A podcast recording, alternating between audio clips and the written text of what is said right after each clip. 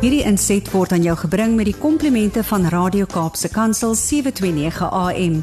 Besoek ons gerus by www.cape pulpit.co.za. Ek groet jou vir die laaste keer in Julie 2021. Dit is Saterdagoggend. Dit is net na 7 en dit beteken dit is tyd vir landbou landskap op Radio Kaapse Kansel. Vir jou gerief kan jy na ons luister op 729 AM en wêreldwyd via die internet.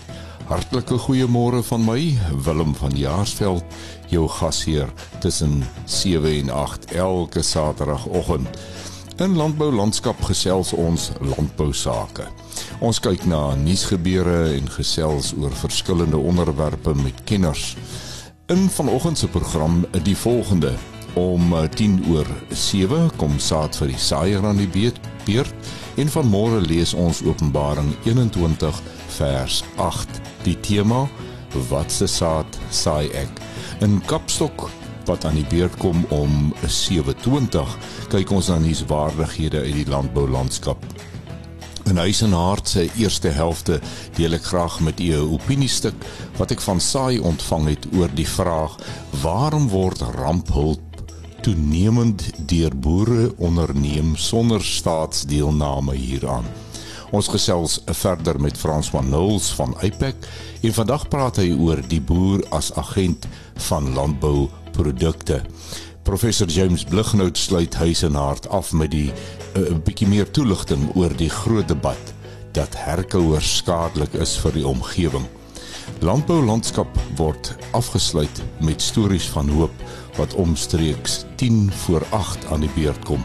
Van môre kyk ons na die voorbeelde of die voordele van selfhelp dit kom al meer voor in ons samelewing dat mense besluit hulle gaan hulle self help en uh, dit buite om staatsstrukture doen onder mekaar reël en sommer uitvoer. Ons kyk 'n bietjie na die wese daarvan. Landbou landskap word aan jou gebring met die komplimente van Cape Pots varsprodukte mark. Ek nooi jou graag om met ons te gesels deur middel van ons WhatsApp en Telegram nommer 081 729 1657 of stuur 'n SMS na 37988 en begin jou boodskap met die woord landbou. Ek vra weer, laat my weet as jy self 'n storie van hoop het om met ander te deel of dalk weet jy van iemand wat so 'n storie of 'n getuienis het en geleentheid soek om dit met ander te deel. Stuur asseblief jou kontakbesonderhede na die e-posadres patlangsgepraat@gmail.com. Patlangsgepraat is alles een woord. Tik asseblief die woorde stories van hoop in die e-pos se adreslyn, dan sorg ons dat jou e-pos op die regte plek uitkom. Ons gesels net hierna verder bly ingeskakel. Jy luister na Landbou Landskap op Radio Kaapse Kansel wat uitsaai op 729 AM en wêreldwyd op die internet. Hierdie program is daarop gemik om luisteraars binne en buite die boerderygemeenskappe pitkos te gee. Daarom voer ons onderhoude wat die luisteraar 'n bietjie bietjie beter perspektief behoort te gee op dit waaruit die breë landboulandskap uh, volgemaak is. As jy spesifieke sake in hierdie program hanteer sal wil hê, gee jou gedagtes deur aan my deur die skakels wat ek gereeld hier noem. Ek sal graag jou boeredae wil besoek en gesprek voer met die mense daar. Gee kennis van sulke geleenthede by die e-posadres patlangsgepraat@gmail.com. Vervolgens 'n stukkie musiek en daarna kom ons by vandag se saad vir die saaier en ons lees vandag Openbaring 21 vers 8. Dit het nou tyd geword vir saad vir die saaier hier op Landbou Landskap. Vanmôre is die tema wat se saad saai ek. Ons lees Openbaring 21 vers 8. Daar staan: Maar wat die vreesagtiges aangaan en die ongelowiges en gruwelikes en moordenaars en oreerders en towenaars en afgodedienaars en al die leenaars, hulle deel is in die poel wat brand met vuur en swaal dit is die tweede dood. In hierdie vers word 'n verskeidenheid van mense saamgenoem as diegene wat bestem is vir die poel van vuur en swaal.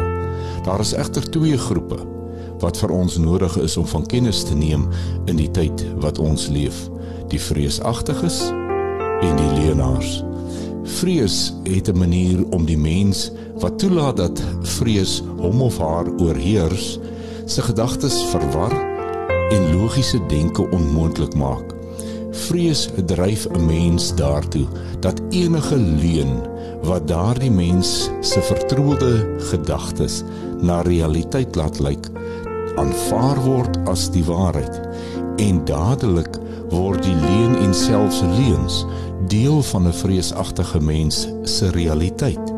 Wanneer hierdie realiteit wat gebou is op vrees en bestaan uit leuns, die boodskap word wat versprei word, dan skep ons 'n wêreld wat verward, vol wanhoop, haat, vooroordeel en verdeeldheid is. Sosiale media maak die verspreiding van sulke afbreekende boodskappe verspot maklik. Geen een van ons behoort ons te skaar by die vreesagtiges en leenaars nie. Nog minder mag ons hulle boodskap aan die wêreld help uitdra want ons is nie 'n gees van vreesagtigheid gegee nie en ons staan die leuen in elke vorm te as kinders van God. Kom ons bid. Jesus, in 'n wêreld wat oorspoel word met vreesidees en leuns, is ons gebed dat U vir ons elkeen die weg, die waarheid en die lewe sal wees en dat dit die saad sal wees wat ons saai in die wêreld waarin ons leef gee ons rus van ons vreesagtigheid in volle vertroue op U. Amen.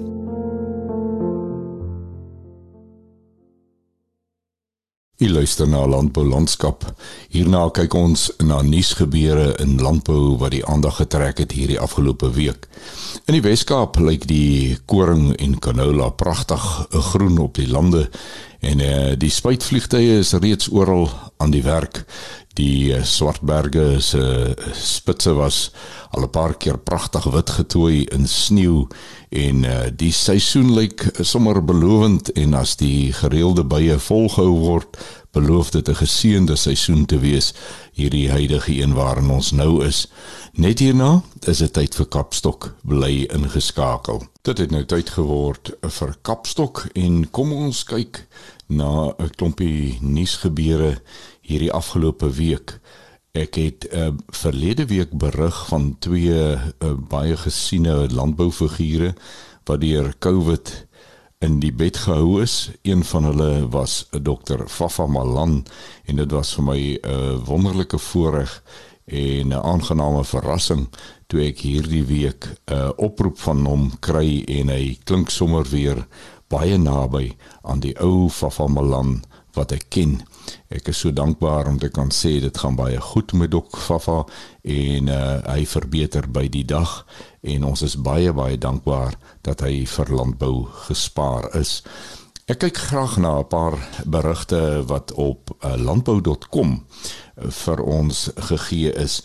Die eerste ene onder die opskrif onluste Transnet krisis keer nie rekord oesjaar vir sitrus lees ons die volgende Michelle van der Spy berig die volgende.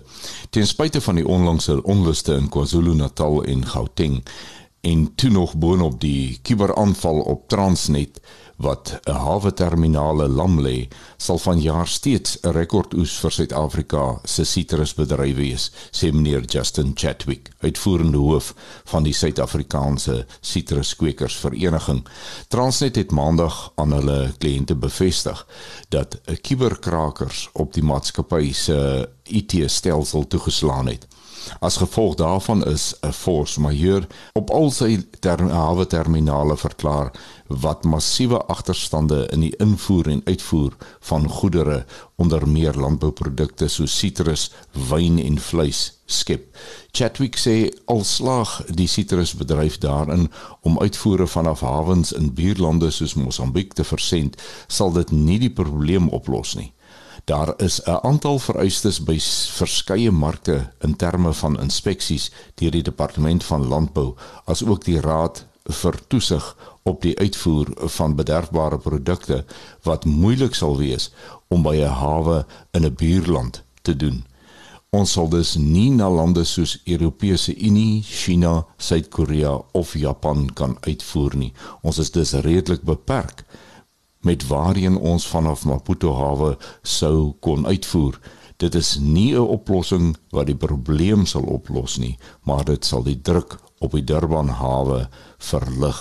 Nou dit is jammer dat so iets met ons moet gebeur bo op al die ander dinge wat ons nou al getref het, maar ons is dankbaar dat dit met die sitrus seisoen al hoe beter gaan soos wat die oes vorder. Nog 'n berig op uh, landbou.com uh, onder die opskrif varkvleis het groot potensiaal vir groei in verkope skryf Karin Kreer die volgende. Die varkvleisbedryf het baie groot groeipotensiaal en om die groei te ontsluit is dit nodig om verbruik onder laer inkomste verbruikers as ook diegene wat tot dusver tradisioneel nie varkvleis gekoop het nie te bevorder.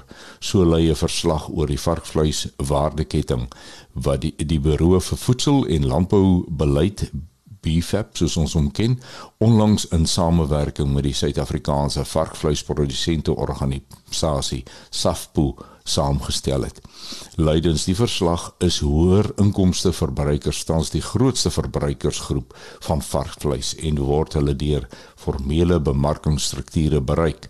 Laer inkomste verbruikers word dikwels deur informele kanale bereik wat verder ondersoek moet word. Die verslag is die eerste stap in 'n groter inisiatief om die verbruik en koopvoorkeure van laer inkomste verbruikers in spesifiek informele gebiede beter te verstaan. Nog 'n berig in uh, landbou.com onder die opskrif goeie vooruitsigte vir wintergewasse. Uh bly as volg, die berig is geskryf deur Nico van Burik en hy skryf ondanks rampdroogtes in sommige gebiede en verspoelings in ander het die optimistiese vooruitsigte vir rekordoeste by somergewasse en 'n tuinbouprodukte nou oorgespoel na wintergewasse ook danksy goeie klimaatstoestande wat ondervind word. Meneer Vandelle se Schlobo, hoofekonoom van die Landbousakekamer Ekbus, sê die Weskaap waar meer as 2/3 van die land se wintergewasse soos koring, canola, haver en gars verbou word, het goeie reën sedert die begin van Mei ontvang. Die koue weer van die afgelope weke het ook gunstige toestande vir hierdie gewasse geskep. Hy sê boere se voornemens was om koringaanplantings met 'n persentasiepunt van 500 in 12000 hektaar op te stoot. Canola met 28% tot 95000 hektaar en haver met 32% tot 34500 hektaar. Vir koring sal dit rofweg in 'n pas wees met die 10 jaar gemiddelde. Vir canola sal dit die grootste aanplanting in 8 jaar wees en vir haver sal dit die meeste nog wees. Dit is net by gars waar die verwagte aanplantings met 'n 33% tot 95000 hektaar sal afneem, hoofsaaklik weens 'n kleiner vraag wat aan alkoholverbod toegeskryf kan word. daarmee die einde van Kapstok bly ingeskakel net hierna gaan ons aan met huis en hart. In vanoggend se huis en hart vra ons die vraag: Waarom verkies boere en privaat hulporganisasies in landbou om hulpverlening sonder die staat se bydrae te doen? Dr. Theo de Jager van SAI het vir ons 'n antwoord hierop gestuur. François Knowles verduidelik die posisie van 'n boer wat landbouprodukte bemark in terme van die registrasie by APEC en professor James Blighnout gee 'n toelichting oor die groot debat oor herkouers se rol in koolstofvrystelling. Bly ingeskakel want na die volgende stukkie musiek is ek terug met huis en hart. Dit het nou tyd geword vir huis en hart en ons skop af met die opiniestuk onder die opskrif rampulp waarom die staat uitgelaat word. Dis 'n stuk wat deur Dr. Theo de Jaar, die voorsitter van SAI se direksie, aan ons gestuur is. Die tekorte aan basiese voorrade soos kos, medisyne, babamelk en ander lewensmiddels in die onrusgetuisterde dele van KwaZulu-Natal het soos uh, soveel keer die afgelope 2 jaar weer burgerlike strukture gemobiliseer om die staat se verantwoordelikheid ten opsigte van rampehulp oor te neem. Terwyl die staat komitees saamstel om met gewillige organisasies vergadering te hou om rampehulp hulp te beplan, skuif duisende tonne voorraad reeds elke dag buite die raamwerk van die staat op trokke per vliegtuig en op bakkies om die nood in dorpe en stede te verlig. Private sekuriteit begelei konvoë waar die SAPS en 'n weermag dit nie reg kry nie. Rampelhulp is 'n meer algemene behoefte in die landbouomgewing. Rampelhulp is 'n meer algemene behoefte in die landbouomgewing, maar 'n leksheid. Buiten vir beperkte bydraes van die Wes-Kaapse provinsiale regering, is daar bitter min statutêre hulp vir boere wat weens brande onrus, droogte of vloede ontstaan. Boere het meer ervaring in die organisering van private rampehulp en solank die ANC nog aan bewind is, sal hulle en hulle plattelandse gemeenskappe self vir hulp aan getuisterde areas moet voorsien. Hierdie selfvoorsienendheid buite die strukture, begrotings, rykwyte en invloed van die staat om is in omvang en doeltreffendheid redelik uniek in die wêreld en beide georganiseerde landbou en buitelandse regerings vind dit fascinerend. Berigte oor hoe rampelp in die vorm van veevoer en kospakkies groot dele van die Karoo en Klein Karoo aan die gang gehou het deur 8 jaar van die ergste droogte in mensejeugenis is oor die wêreld gelees. Toe kom die polities geïnstigeerde brande in Oktober 2020 in die Noordwes Vrystaat en laat 100 000 hektaar in puin. Maar dieselfde groep organisasies wat droogtehulp koördineer, het in enkele weke genoeg veevoer, omheiningsmateriaal en kospakkies afgelewer om die hele gebied te laat oorleef. Selfs die vee is vervang. Die irrasionele COVID-grendelregulasies wat in April 2020 ingestel is, het honderdduisende werksgeleenthede vernietig en gesinne sonder inkomste of kos gelaat. Boere het besef dat hulle weinig kan doen om die verdoemende impak op die ekonomie te bever, maar het kos, groente, vrugte en vleis in landelike areas gaan aflewer waar die staat nooit uitgekom het nie. Daardie ramp op het tot diep in die stedelike gebiede 'n verskil gemaak tot die mate dat Panjasa Lesofie van die ANC in Gauteng probeer het om dit te nasionaliseer en te sentraliseer. Die boere het eenvoudig geweier want die vertroue in die staat ontbreek. Die minister van landbou Toko de Disa het aanvanklik saam met enkele landbouorganisasies 'n aantal komitees gestig om die impak van COVID-regulasies op die landbousektor te koördineer. Maar die aankondiging daarvan was die laaste wat die publiek daarvan gehoor het. Met die onluste in KwaZulu-Natal is dieselfde landbouorganisasies weer betrek, kompleet met aankondigings in die media. Daar is drie goeie redes waarom die veel groter rampelbeweging wat buite die staat funksioneer nie daarby betrek word of wil wees nie. Die mees voor die hand liggende rede is die korrupsie, selfverryking en ondoeltreffendheid wat saam met die pakkie kom wanneer die staat jou vernoot word. Die videomateriaal van amptenare wat COVID voedselpakkies by hulle huise laat aflaai of verkoop in plaas daarvan om dit by honger gesinne gesinne te besorg, domineer enige internet soektog na die staat se rampop. Die skaamtelose gebrek aan enige gevolge skrik boere en sakelei af wat andersins sou oorweeg om bydraes te lewer.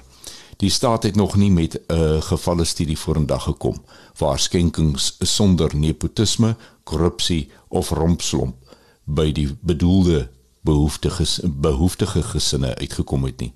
'n Veel belangriker rede waarom eh, die meer effektiewe rolspelers in ramphulp nie met die staat kan saamwerk nie, is ideologies van aard. Dit gaan oor die ANC se fundamentele verbintenis tot rassekriteria by ramphulp. Die aggressie en skuim om die mond oortuiging waarmee die staat sy onwrikbare beleid om COVID ramphulp in die toerismebedryf tot swart entrepreneurs te beperk.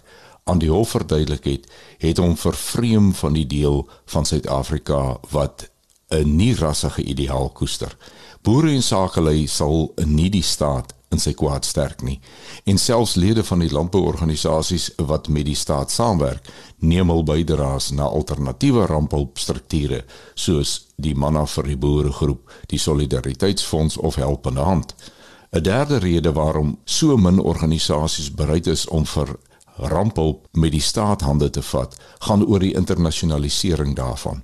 Veel meer as net die sosiale media wat intyds beelde van die omvang en diepte van nood belig, het die wêreld se grootste nuusagentskappe lankal die morele mat onder die ANC uitgetrek. Vir buitelandse regerings maak dit nie saak wat die uitslag van 'n hofgeding oor swart ekonomiese bemagtiging, kaderontplooiing of rasse gebaseerde kwotas is nie.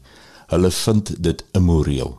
Apartheid was ook wettig, maar die wêreld het dit uitgespoeg.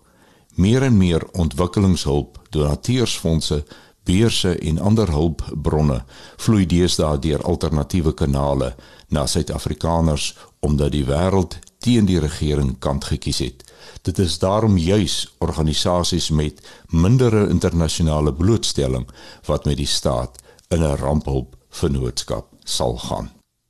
Dit dan die inset van Dr. Theo die Jager van die organisasie SAI. Ons kyk verder na hierdie uh, selfde ehm um, fenomeen dat gemeenskappe al meer vir hulle self begin doen in stories van hoop want daar is ook slaggate op hierdie pad maar dit lyk asof dit die toekoms is wat ons vir onsself sal moet uitwerk en waar die raamwerk is waar binne ons sal moet werk. Dit dan die einde van on, die eerste helfte van Huis en Hart bly ingeskakel. Net hierna luister ons na wat Frans van Nulls en professor James Blighnout vir ons te sê het. Dis weer 'n uh, tyd vir ons inset van Apex se kant af. Ons gesels in die reeks met meneer François Nul, die Nuls, die registrateur van Apex. Goeiemôre François. Uh Willem, goeiemôre, goeiemôre luisteraars. Dankie dat ons weer met julle kan deel. François, ons het nou in 'n vorige aflewering gevra of 'n uh, wynkelders as agente behoort te registreer by jou en jy het ons 'n goeie antwoord gegee. Vanmôre my vraag, 'n boer wat sy eie produk verkoop, moet hy by Apex registreer as 'n agent? Wel nee, um, dis nie nodig nie. Die risiko lê dan by homself en hy is verantwoordelik vir sy eie inkomste. So 'n uh, boer of so 'n persoon sal nie nodig hê om by ons te registreer uh, te registreer nie. Onder watter omstandighede word daar verwag dat 'n primêre produsent ook as 'n agent van landbouprodukte moet registreer? Wel, dit is 'n baie belangrike vraag want dit in die in die praktyk gebeur dat ehm, 'n um, boer um, sy eie produkte verkoop en as hy goed doen, dan sal hy met uh, tye of op sommige geleenthede namens ander boere ook begin verkoop. Nou hier lê die dilemma. As hy namens iemand anders optree, dan beteken dit daar is 'n risiko vir daardie persoon of daardie boer. En dit maak van hom 'n agent. In so 'n geval sal dit nodig wees dat ehm um, die boer dan as agent registreer en ehm um, hy sal dan by ons ehm um, al die vereistes moet nakom wat van 'n agent normaalweg verwag word. Ek wil dit net opsom, die risiko van daardie boer vir wie hy dan optree of verteenwoordig is in sy hande en dit is die werk wat ek doen as reguleerder om seker te maak dat die risiko aangespreek word. Ek wil 'n praktiese voorbeeld vir jou gee. Ehm uh, ek is 'n melkboer. Ek het minder melk as wat ek nodig het om die mark te voorsien. Ek koop by my buurman 'n deel van sy daaglikse produksie. Ek bottel dit en ek verkoop dit. Sal ek moet registreer? In so 'n geval nee. Ehm um, onthou net melk is nie 'n item wat binne ons ehm um, definisie van 'n landbouproduk geregistreer is nie. As dit wel iets anders is, soos vasprodukte, lewende hawe, dan sal ons daarna kyk en um, dit sal waarskynlik beteken dat die uh, boer as agent moet registreer. Maar soos ek weer sê, ons hanteer dit op Marite en ons sal na sulke gevalle um baie spesifiek kyk en ons sal dan die detail daarvan uh, evalueer vir 'n uh, moontlike registrasie. Nou dis onmoontlik vir ons om in die beskikbare tyd al die scenario's te probeer toets met jou. Ek neem aan as daar luisteraars is wat met vrae sit, dan sal hulle direk met Apex se kantoor kan skakel en jy het personeel wat hierdie tipe vrae kan antwoord. Dis korrek. Ehm um, enige iemand wat graag meer wil weet kan op ons uh, webblad gaan uh, kyk wat na die werk wat ons doen. Ons kontaknommers is daar. Kontak ons by www www.ipacweb.org.za. Baie baie dankie François. daarmee loop ons tyd uit vir vanoggend se inset en ons sê vir jou baie dankie weer eens vir jou tyd. Willem baie baie dankie vir die geleentheid. Lekker altyd lekker om met julle te gesels. Bly ingeskakel, ons gaan net hierna aan met ons program Landbou Landskap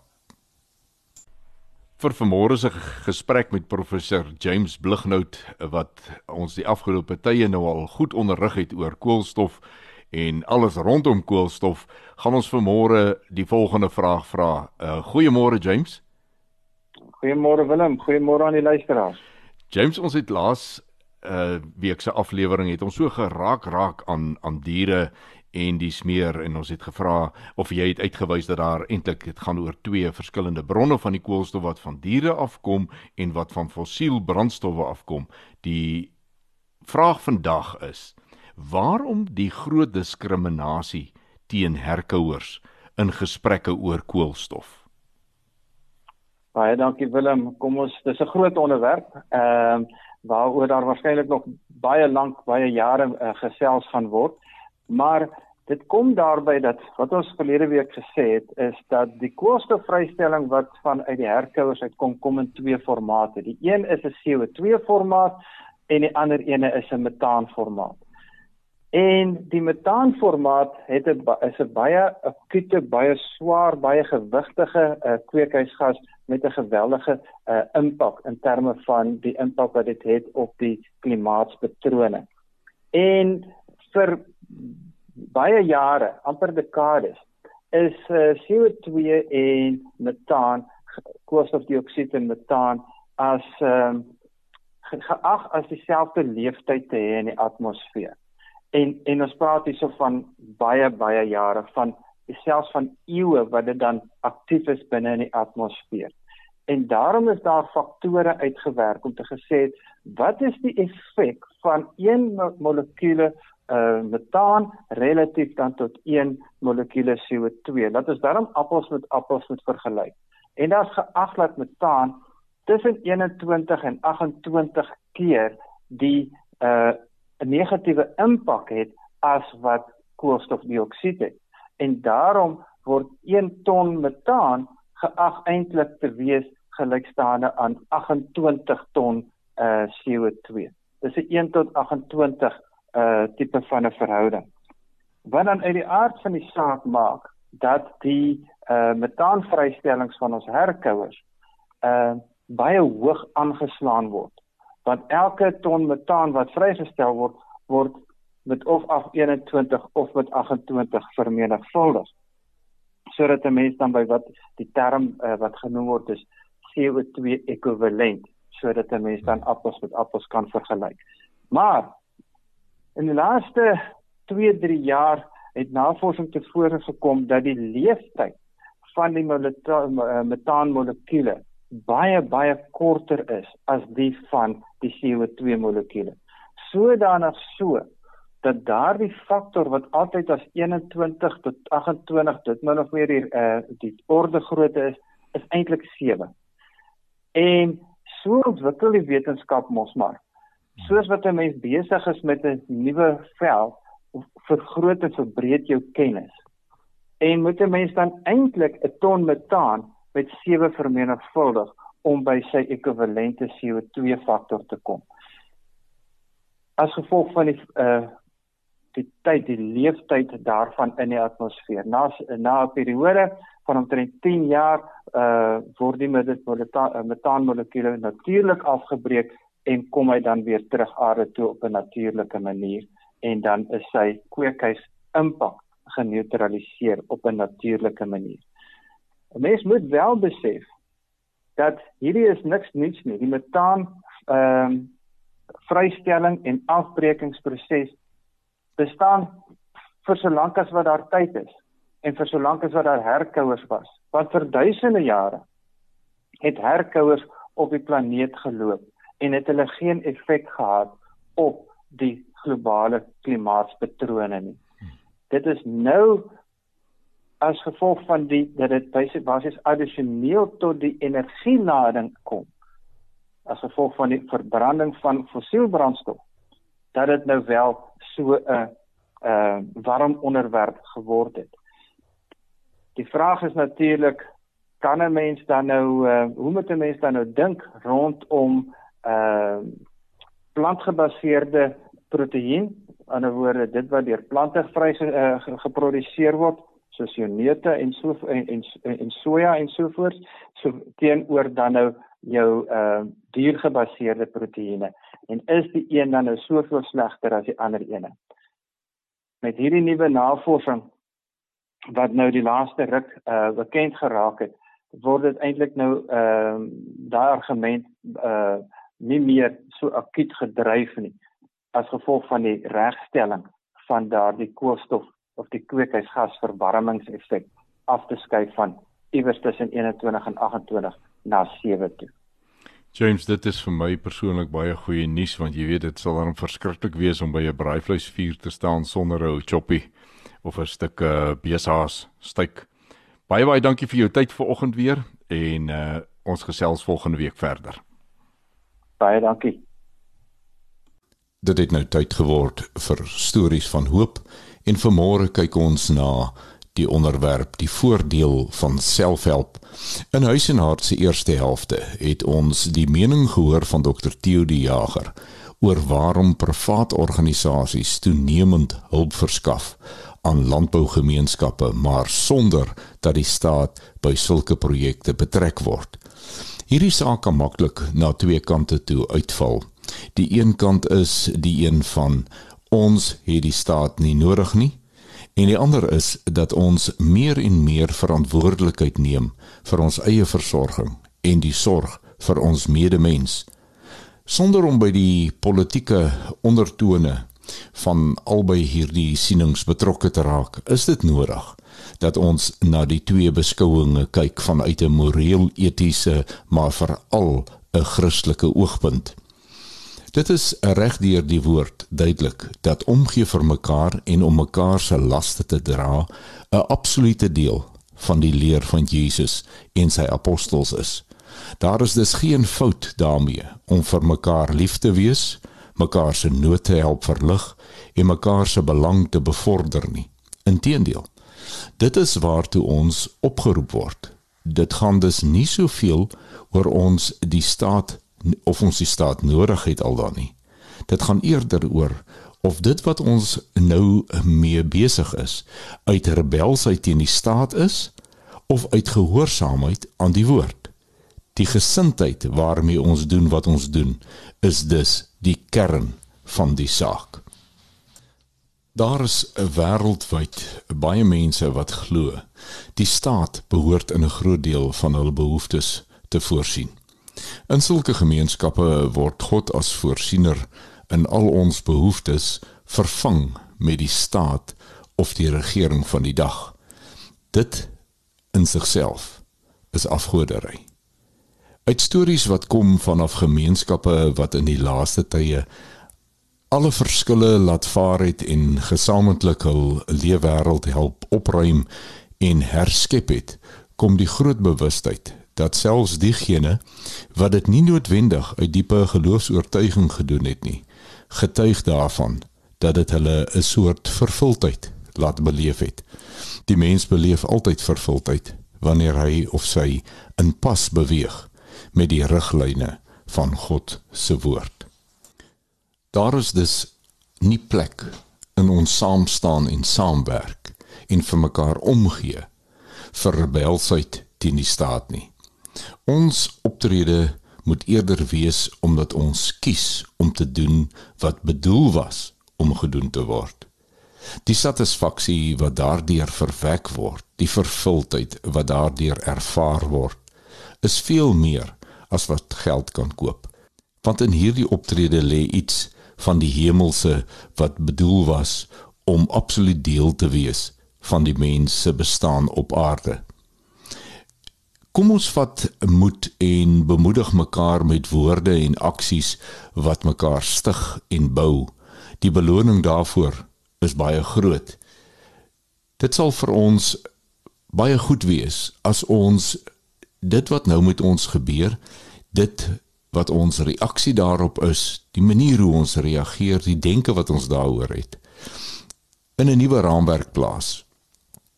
Soms dwing omstandighede buite ons om skielik in pas te kom met iets wat ons nog baie lank nie geraak gesien het, wou weet, is selfs dalk nie geglo het nie en nie van oortuig was nie.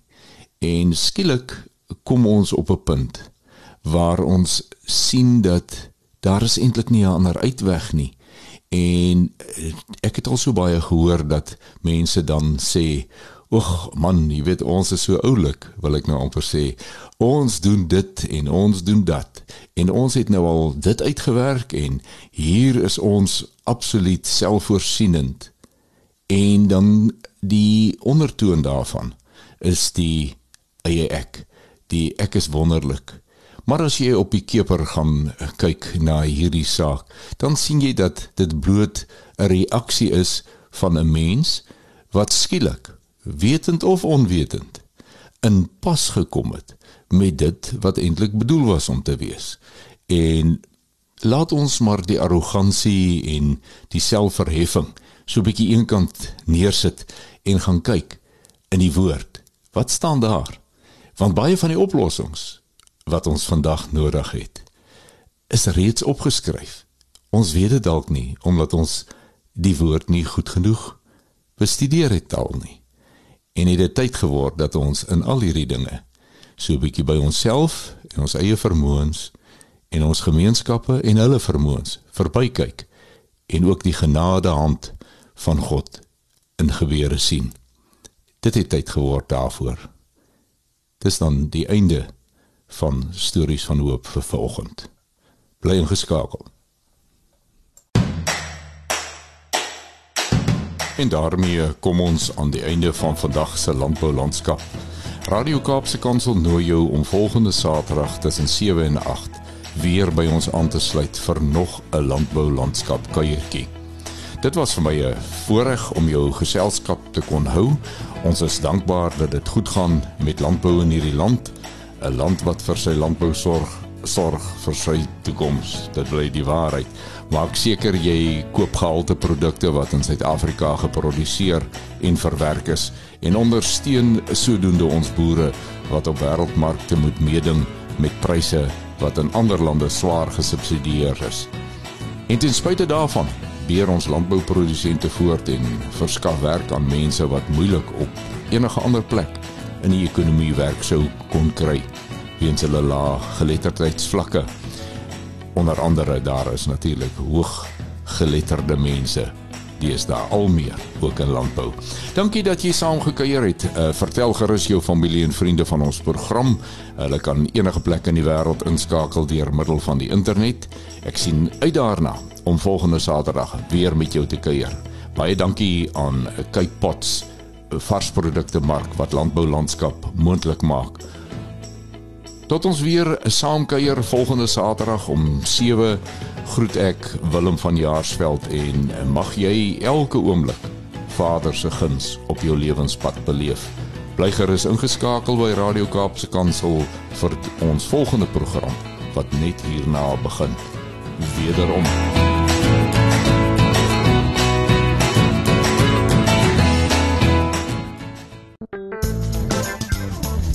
Hierdie inset was aan jou gebring met die komplimente van Radio Kaapse Kansel 729 AM. Besoek ons gerus by www.cape pulpit.co.za.